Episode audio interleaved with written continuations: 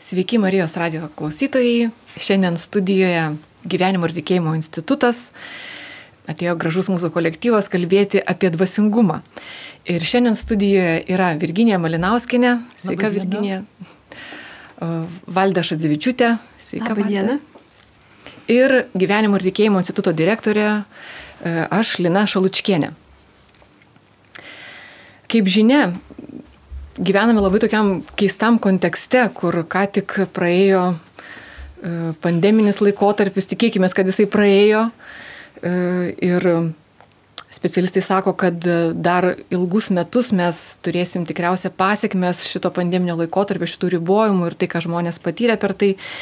Ir taip pat turim tas aktualijas tarptautinėme kontekste, kuris e, tos aktualijas iš tikrųjų kelia nerimą nežinau, ar yra Lietuvoje nors vienas žmogus, kuris nebuvo paliestas šitų naujienų ir, ir nėra veikiamas nerimo ir streso, kuris susijęs su šitais įvykiais tarptautiniais, kurie vyksta visai netoli mūsų.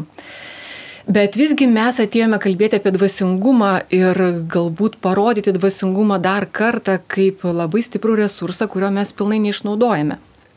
Kokią naudą dvasingumo ūkdymas mums galėtų suteikti? Iš tikrųjų, ta nauda galėtų būti dviejopa ir galbūt verta prisiminti tikrai dvasingumą ir jį ūkdyti, nes tikrai žmogus yra pajėgus valdyti tiek savo psichoemocinės būsenas, tiek savo psichodvasinės būsenas ir savo padėti.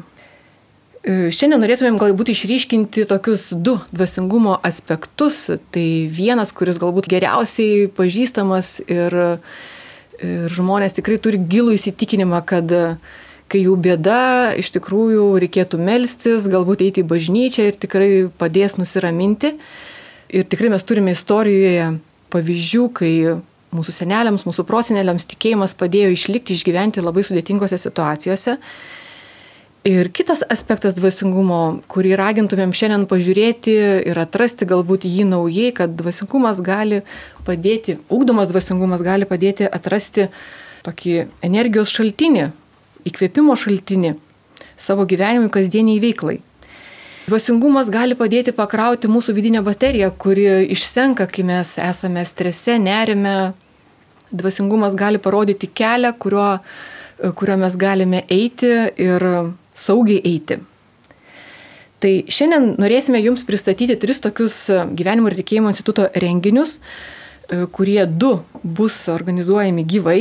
Jau manome, kad žmonės tikrai yra išsilgę gyvo bendravimo po tokio laiko, e, pandeminio laiko. Ir vienas iš šitų renginių bus daromas nuotoliniu būdu. Tai pirmas renginys, apie kurį šiandien norėsime pakalbėti, tai yra Vadinasi taip, vizijos ir tikrovė. Dievo artumo patirtis penkiais pojūčiais pagal Hildegardą Bingenietę. Ir šitas e, seminaras vyks kovo 18-19 dienomis. Hildegarda Bingenietė. Valda, norėsiu paklausti tavęs, kodėl šituo laikotarpiu mes kalbam apie Hildegardą Bingenietę? Kaip šita asmenybė mums galėtų būti įdomi, e, kažkaip naudinga e, šituo mūsų etapu, kurio mes keliaujame dabar? Na, iš tiesų šita šventoji yra neįlinė asmenybė gyvenusi viduramžiais. Ir jos visa veikla ir, tai, ir jos malda ir giesmės teikia labai daug tokio e, susižavėjimo šiandieniniam žmogui. Ir nuostabu tai, kad Hildegarda savo veikaluose kalba apie vienybę tarp kūno, dvasios ir visos kūrinijos ir stengiasi parodyti, kad žmogui labai svarbus yra ryšys su savimi, su kūrinyje ir su Dievu. Ir tuose ryšiuose e, na, ugdant savo dvasingumą galime atrasti džiaugsmo, tokios pilnatvės, e, gyvenimo supratimo gilesnio ir savęs pažinimo. Ir manau, kad šito laikotarpiu, kai nėra lengva, tai žvelgiant į šitos asmenybės veiklą, darbus, palikimą, mums mum gali ateiti daug tokios vilties, daug tokio, na, ryšio su Dievu pagilinimo ir pažinti tą asmenybę būtų didžiulė pagalba mūsų pačių kasdienybėje. Hildegarda Bingenietė e, tikrai buvo ypatinga moteris, e, na, gyvenusi prieš 800 metų. Ne? Ir Ir jinai apibūdama kaip teologė, mystikė, poetė, kompozitorė, gamtamokslininkė ir dar buvo paskelbta šventaja. Kas ypatingo šitoje asmenybėje? Valdė, kaip atrodo, kas ypatingo joje, jinai buvo ypatinga jau tuo, tuo laiku ir kuo jinai mums gali būti ypatinga šituo laiku? Na, tas ypatingumas tuo, kad viduramžiais moteris neturėjo tokių galimybių arba tokių teisių, kaip mes šiandien suprantam moters padėti visuomenėje. Bet Hildegarda pasižymėjo visais šitais talentais ir kūrybingumu ir parodė, kad įvairiuose srityse moteris gali veikti tikrai labai prasmingai, labai kūrybingai ir palikti tokį neįlinį palikimą. Na ir mes žvelgdami į jos darbus ir stengdamiesi ją pažinti, galim ugdyti savo kūrybingumą ir šitaip pasižiūrėti, kas vyksta mūsų viduje, atpažinti, kur yra stresas, kur yra abejonės, kur yra mūsų paklydimai ir kur yra mūsų džiaugsmai, mūsų pasiekimai. Tiesiog labiau pažinti save ir atrasti ramybės šitame gyvenimo kontekste. Hildegarda buvo išsilavinusi moteris, kaip e, reta iš tikrųjų tikriausiai tuo metu parašė nemažai veikalų, palyginus iš tikrųjų nemažai, nepaliko rašytinių šaltinių. Ką jinai dar tuo metu darė ypatingo? Kas stebino tuo metu žmonės? Na, tuo metu žmonės stebėjosi jos išmintimi.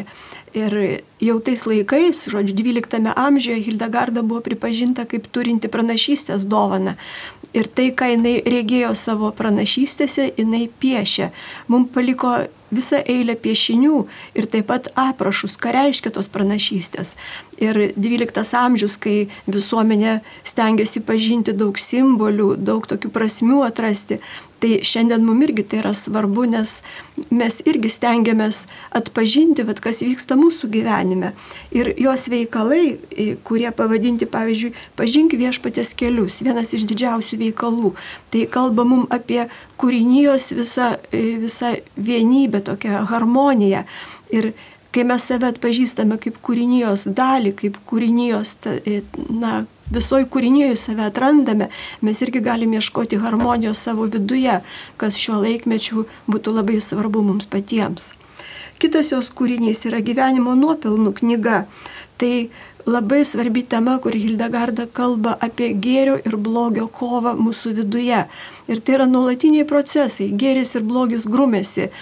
Ir žiūrėkit, šiandieniniam kontekste, kaip gėris ir blogis grumėsi, kiek reikia jėgų tam gėriui, kad jis atlaikytų, kad jis na, būtų stiprus ir pajaustų Dievo pagalbą.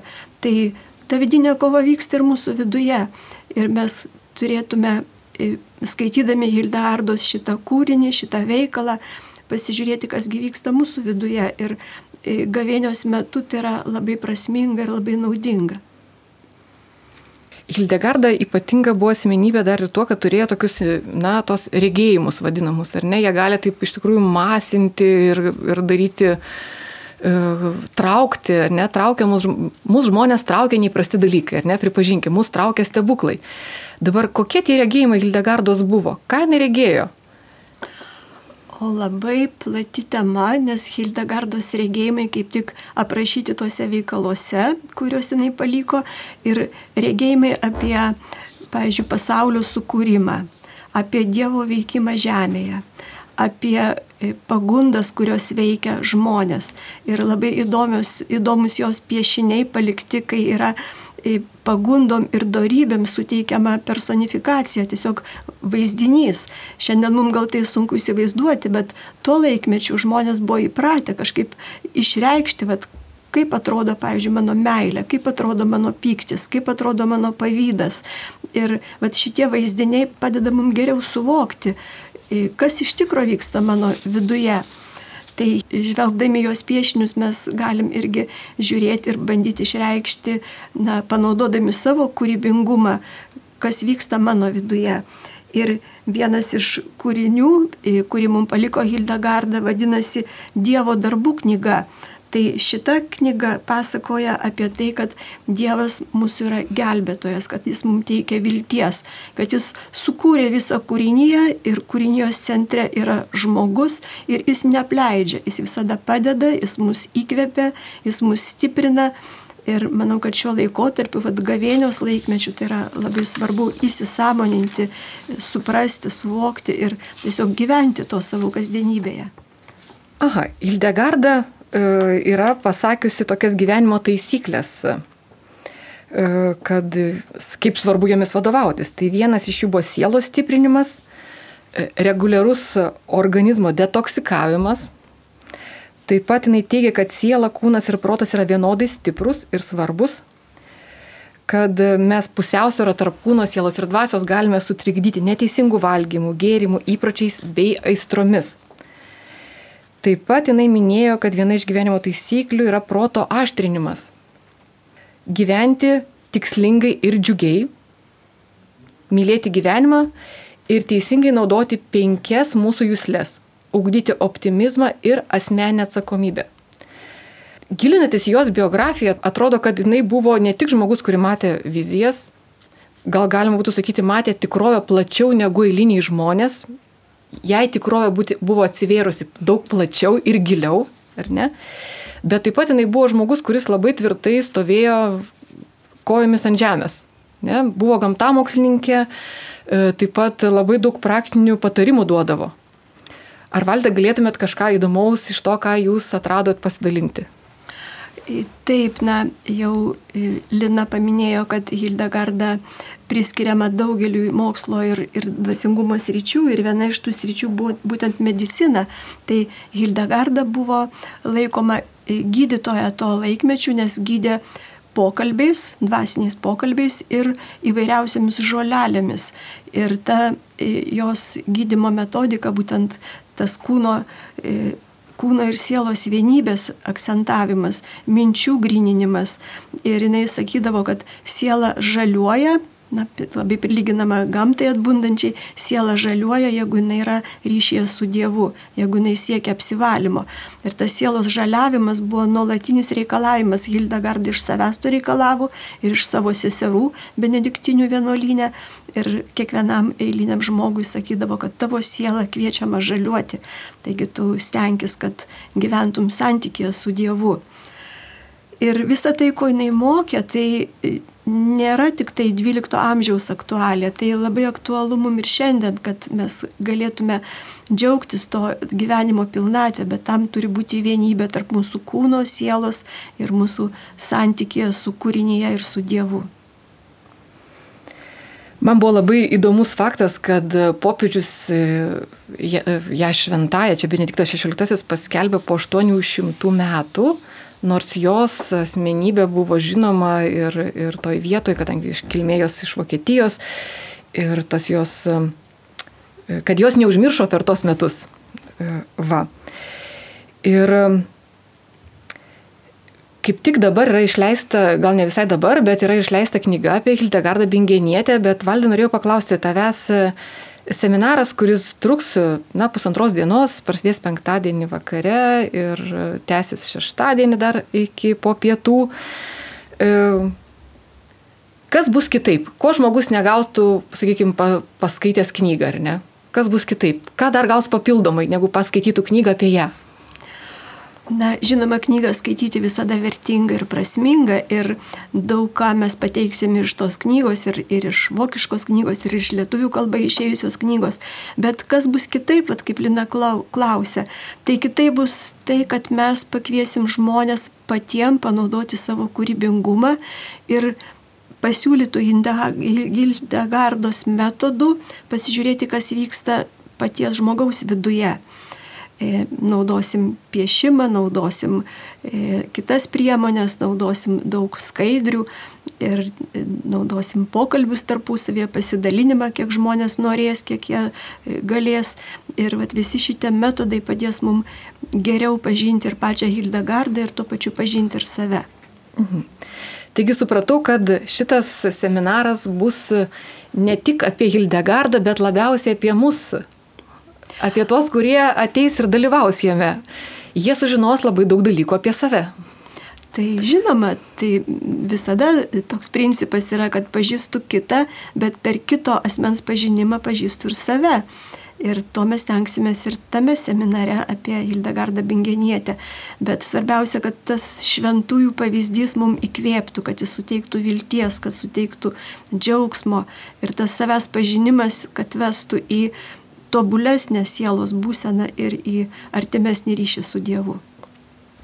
Valda, o kaip Jūs galvojate, va, Hildegarda Bingenietė šventoji, ar, ar mes nesusidursim su tokiu įsivaizdavimu, kad, ai, kai kurie dalykai yra skirti ten šventiesiems? Nu, o čia mes, va, paprasti žmonės, jau kas čia mums, žodžiu, nei mes čia vizijų matom, nei ką, žodžiu, ir, ir ką mums Hildegarda vat, galėtų, nu, tokia ypatinga asmenybė, kokią įtaką galėtų padaryti.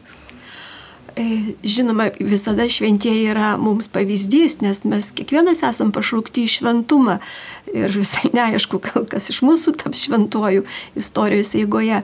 Bet e, mums patiems, kas yra svarbu, kad mes žiūrėdami į šventąjį turime kaip pavyzdį. Ir tas pavyzdys mus patraukia, įkvepia, teikia vilties, teikia džiaugsmo. Ir nesvarbu, kad ten mes nematom vizijų, ar nemokam piešti, ar galbūt nemokam gėdoti, taip kaip gėdojo Hildegarda, bet kiekvienas mūsų e, veiksmas yra lydimas mūsų kūrybingumo ir tas kūrybingumo skleidimas mums padeda e, tobulėti, padeda labiau pažinti save ir nu, be abejo tai yra nauda pačiam žmogui, kuris dalyvauja tokiuose seminaruose, užsiemimuose ir stengiasi įsitraukti. Tai. Mhm. Seminaras vadinasi Vizijos ir tikrovė - Dievo artumo patirtis penkiais pojūčiais pagal Hildegardą Bingenietę. Žinau, Valda, kad tu ruoši ir tam tikrų netikėtų dalykų e, šitam seminarui. E, gal kokį vieną išduotum?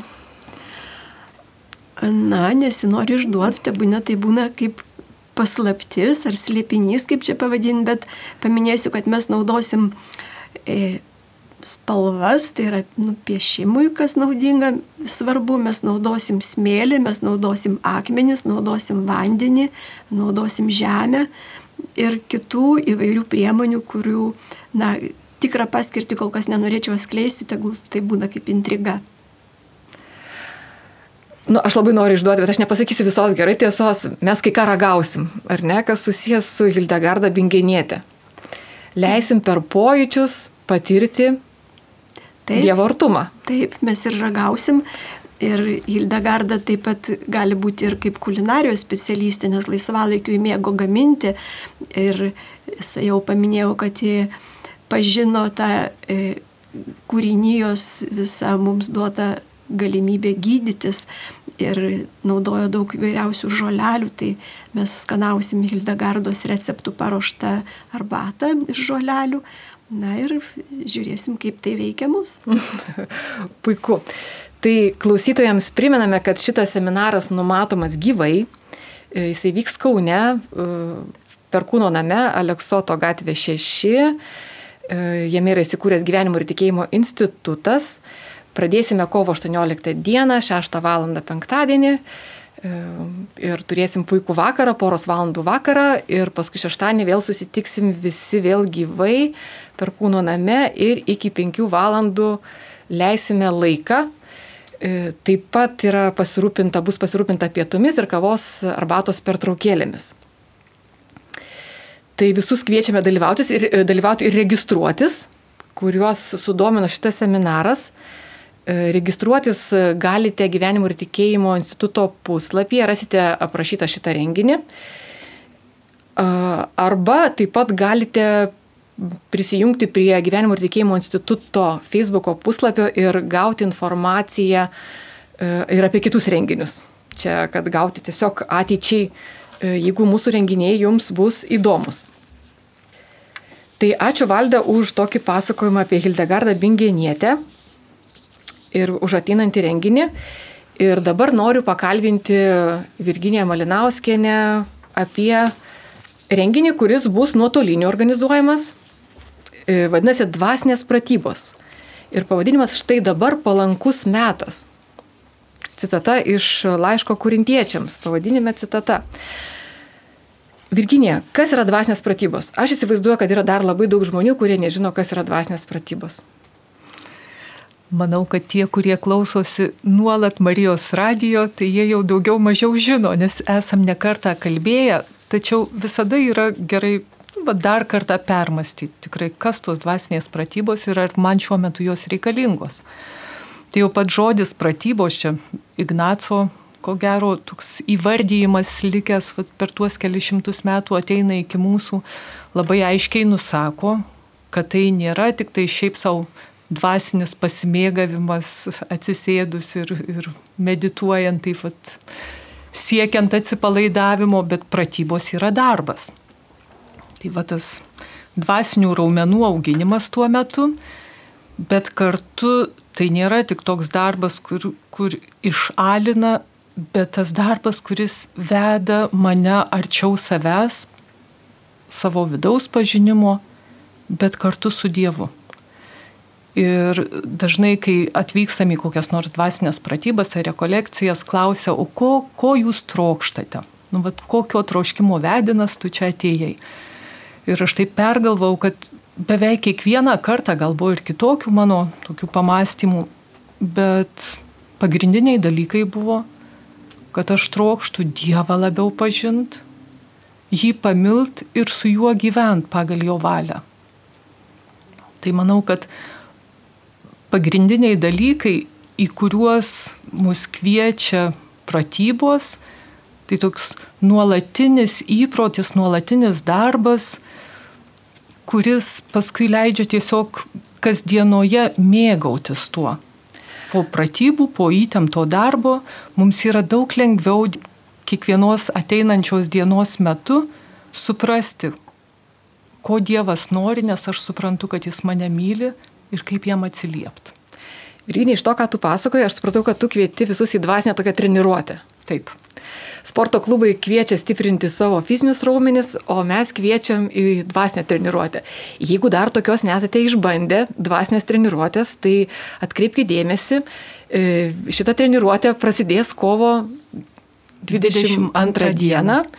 Ir jinai vyks nuotoliniu būdu, kas yra labai patogu. Taip, 18.30, kai grįžtam po darbo, išgeriam arbatos ir galim mhm. jungtis į grupę, kaip ir sporto klube, kaip Lina sako, ir kartu pasimokyti įvairių maldos būdų, kuriuos siūlo Ignacas, kuriuos siūlo mūsų katalikų bažnyčia.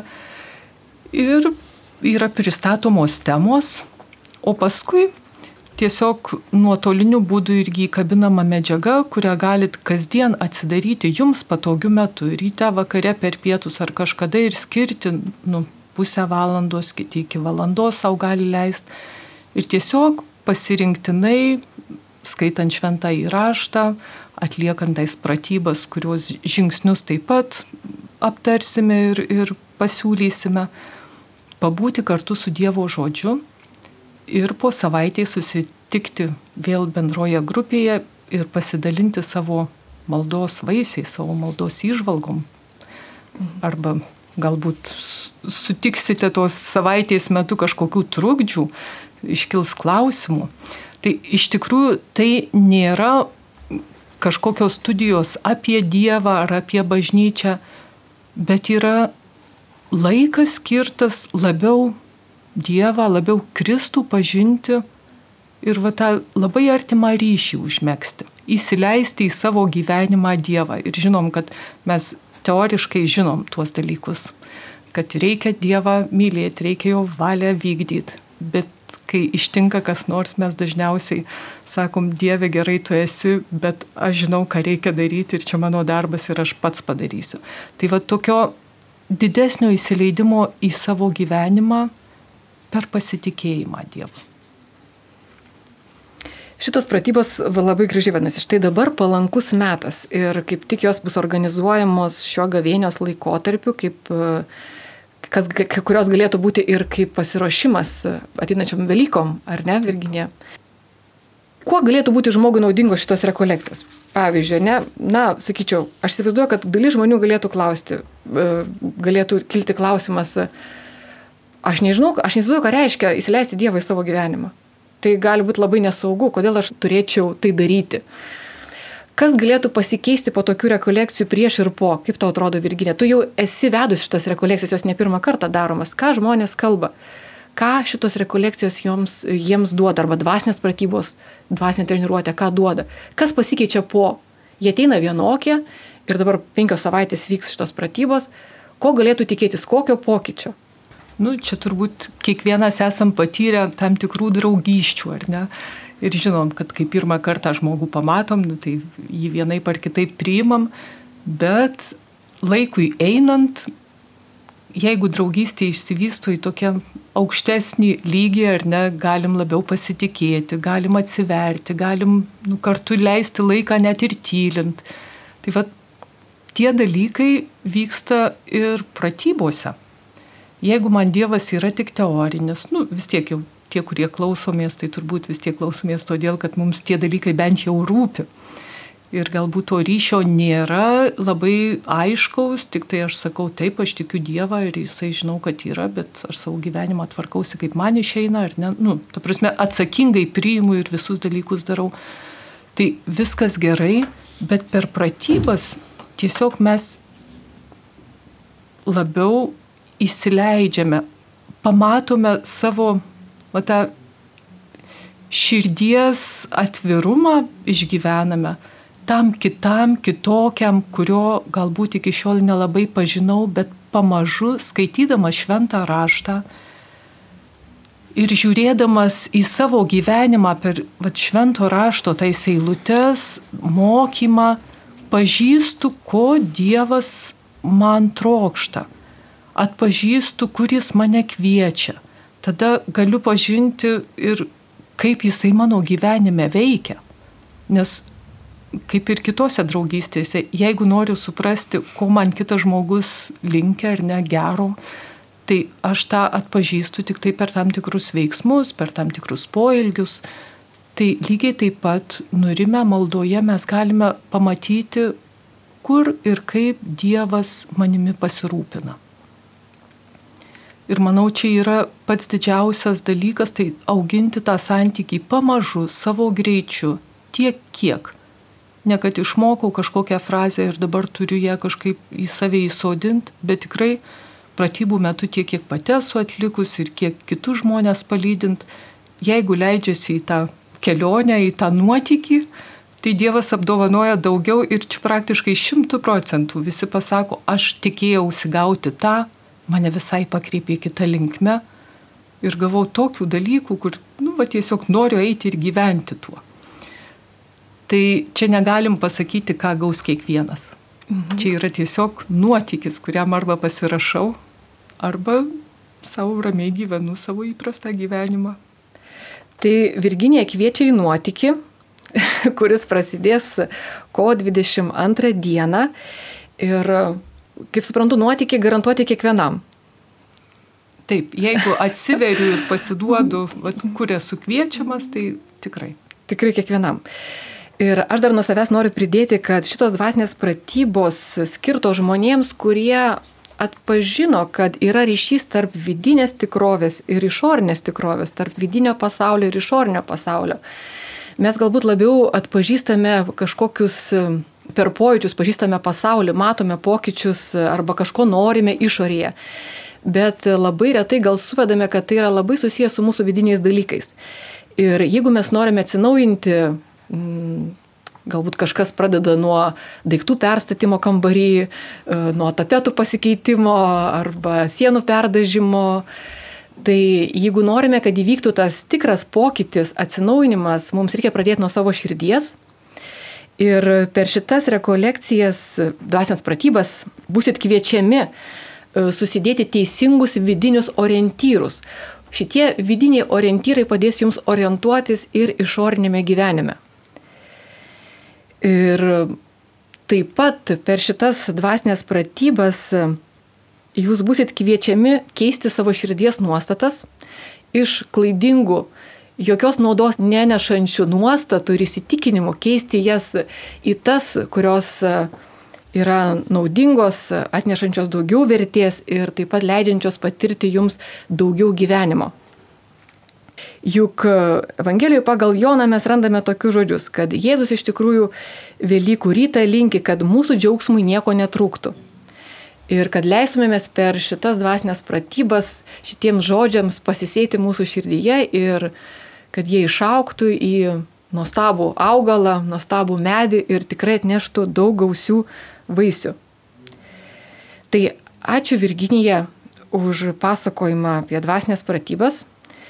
E, taip pat klausytojams noriu paminėti, kad vėlgi apie jas jūs taip pat galėsite rasti mūsų internetinėme puslapyje e, gtinstitutas.lt. Ir taip pat ten rasite tą galimybę užsiregistruoti. Registracija yra būtina.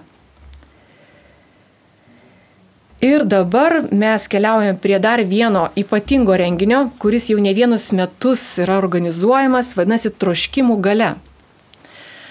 E, Valdė, tu sakėjai man, kad kiekvienais metais paprastai susirenka, na, tokia pilna grupė į šitą renginį ir žmonės kažkaip atpažįsta, kad šitas renginys jiems gali būti kažkaip svarbus. Kokią patirtį turi?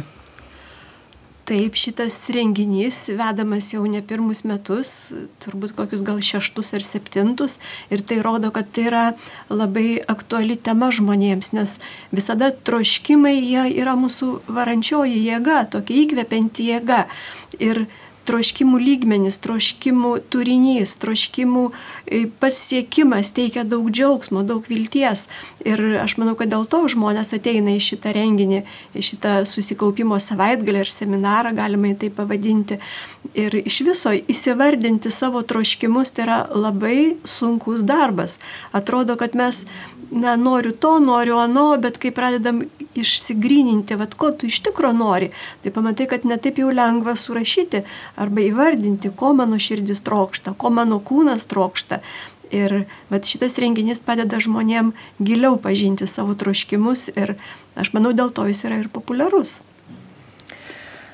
E, Valdė, skelbime rašom ar ne, kad žmonės, kurie sako, nežinau, ko noriu, nėra noro gyventi, noriu, bet negaliu turėti savo. Ar, ne? Ar tai nėra susiję, kad šitie tokie vat, žmonių, tos vidinės, galbūt tokie vidinis dialogas, kurį jie kalba su savimi, kad šitas toks požiūris yra susijęs su to, kad mes dvasingumą galbūt siejam su tam tikrom praktikom, su dešimt Dievo įsakymo, juk ten juk nieko nėra parašyta apie troškimus. Ten nieko nėra parašyta apie svajonės. Kaip dvasingumas susijęs su troškimais ir svajonėmis, ar ne tai, kas mus įkvepia. Taip, čia labai Lina paminėjo labai svarbę sritį, nes atrodo, kad prie ko čia troškimai ir dvasingumas. Bet iš tiesų tai mūsų troškimai parodo mūsų, sakytume, šitaip vertybinę orientaciją. Ir kokios mūsų vertybės yra, ką mes renkamės, ko mes trokštam. Ir kiekvieno žmogaus dvasingumas atspindi jo vertybių sistemą. Ir kaip tik šitam seminare arba šitam savaitgalį mes stengiamės pažinti savo troškimus ir po to giliau žvelgti, o kokio, kokių vertybių aš noriu ir kokias vertybės tai atspindi, ko jos man yra reikšmingos, kurios mane kreipia, kurios mane veda. Ar aš esu tik tai savanaudis, savanaudė ir noriu tik tai gėrio ir gerovės savo, ar aš matau plačiau savo artimuosius, šeimą, bendruomenę, valstybę, galbūt ir Europą, kas labai aktualu, kad tai mes neužsisklęstume tik tai savo noruose ir troškimuose, bet e, kalbėdami apie tai ir pažindami, ko aš iš tikrųjų noriu, kokią tai neša e, naudą, vertę ir kas man yra reikšminga, galėtume šitame procese paskleisti daugiau gėrio ir kartu džiaugtis, kad mes norim na, to gėrio įgyvendinimo per savo troškimus. Valda, o kokius troškimus žmonės atpažįsta per šitą seminarą? Kokie tie būna? Na, mes pradedam nuo labai mažų žingsnelių ir kviečiam žmonės įvardinti troškimus įvairiuose lygmenyse. Pirmiausia, atpažinti savo socialinius vaidmenis. Vat kas aš esu - mama, sesuo, mokytoja ar, ar darbuotoja. Ir kiekviena mūsų asmenybės dalis turi savų troškimų. Ir čia yra labai svarbus procesas, kad tie troškimai mūsų neužgneuštų arba jie nesusipriešintų. E, nu, kaip sako, nesimuštų tarpusavėje, bet kad aš galėčiau juos suderinti ir tiesiog įvardinti prioritetus, kas yra labai svarbu. Na, o žmonės trokšta nuo paprasčiausių dalykų. Turbūt visiems svarbu mūsų kasdienybės kokybė. Na, šiandien yra aktualu žvelgti plačiau, kas vyksta Ukrainoje, kas vyksta Lietuvoje, kas vyksta Europoje. Ir tikrai mūsų giliausias troškimas yra taikos ir, ir to sugyvenimo, prieimimo.